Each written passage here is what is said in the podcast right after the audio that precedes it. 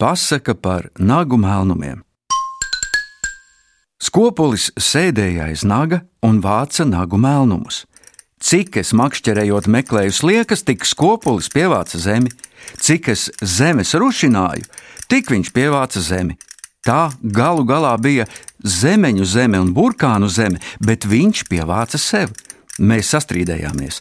Es paņēmu vīlīti un iztīrīju nagapakšas. Skopulis kliedza par lielu netaisnību. Es lūk, ar nagu vīlīti esot saspiedis viņa suni. Sūdzēšot mani tiesā, nu kas šim par suni? Bacilis, vispārastākais, nekrietnākais bacilis. Tādu, ja arī mēri var dabūt tīfu un caureju uz visu mūžu.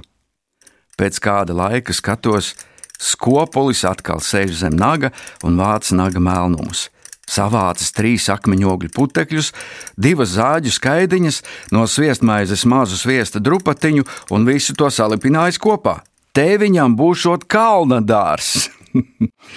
Savācis trīs miltiņus no maizes garozes, vienu papīrlīmes gabaliņu un kaut kādu netīrumu no lifta pogas, taisīšot lecektis, stādīšot agros salātus.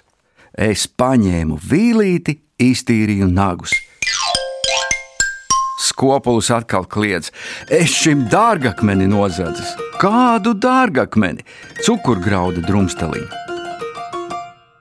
Man jau tikai viens skopulis, pats spītīgākais un izturīgākais, bet jūrītis ar šiem necīnījās, un viņam dzīvoja un rausa melnumu zem nagiem desmit skopuļi.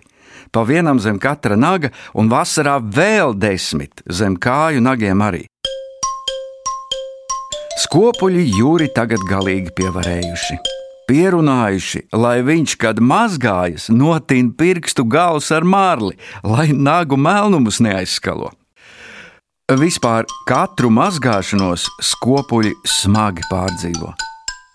Viņi mazgāšanos sauc par lielo katastrofu. Kad man ir laiks, es pirms mazgāšanās pavēroju, ko dara skopulis.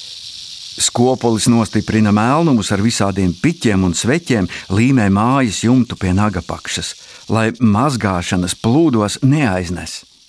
Pēc plūdiem atkal savāc visu, ko var dabūt. Pie jūras šie dzīvo bagāti, ceļ pat siltumnīcas, krāj naudu krājkasē. Utubungas skopulis pat pirkšot vieglo mašīnu un tad braukšot apkārt pa pasauli, mušu mēslus vāgdams bet zeltnesējs kopulis, krājot putekļus, kas no gredzeniem noberžoties. Reizēm viņš pat redzēts ar mazu nazīti kasām no gredzena nost zelta skaidiņas. Tālūk.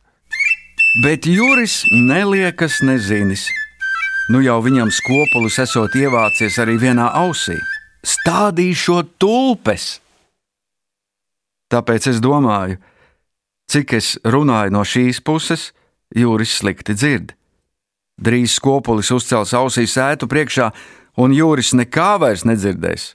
Tālūk, trakas lietas!